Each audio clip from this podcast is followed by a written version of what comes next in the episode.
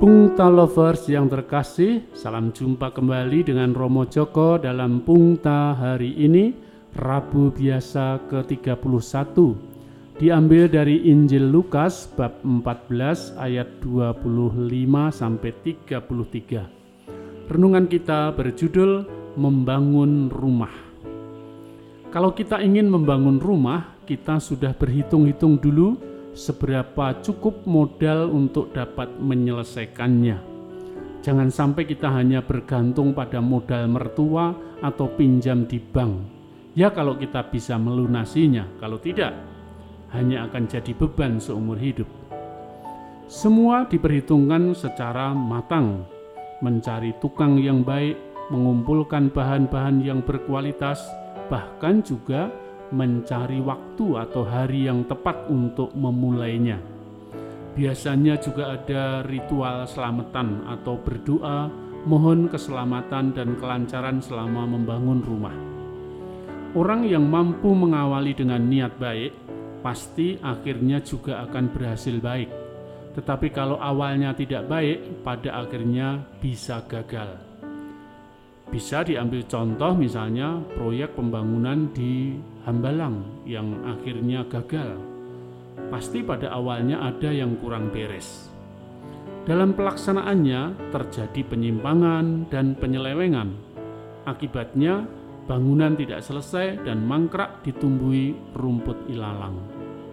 Pungta lovers yang terkasih, mengikuti Yesus juga ada hitung-hitungannya Orang harus bisa mengukur dirinya. Kalau dia tidak siap untuk berkorban dan memanggul salib, dia tidak akan mampu mengikuti Yesus menjadi muridnya. Orang harus berani mengutamakan Yesus dan meninggalkan yang lain demi kerajaan Allah.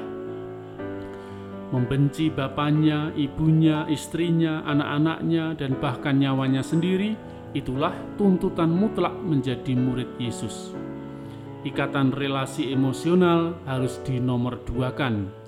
Yang lebih diutamakan adalah Yesus.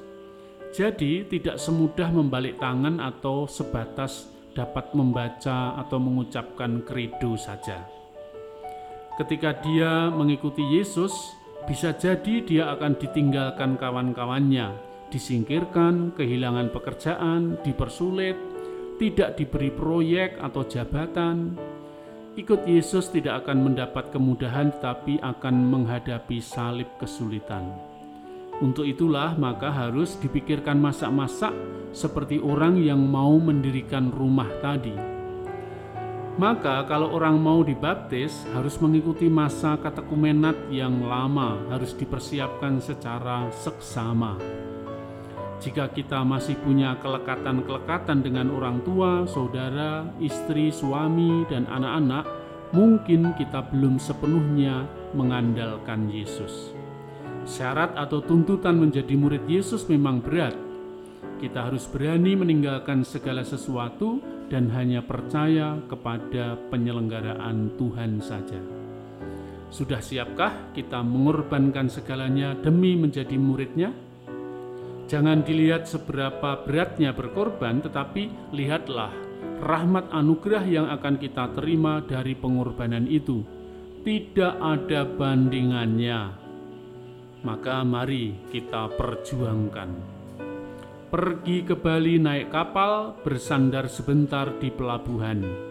Mengikuti Yesus harus total, berani berkorban demi keselamatan. Sekian, sampai jumpa. Salam sehat. Jangan lupa selalu bersyukur, kita bahagia. Berkah dalam.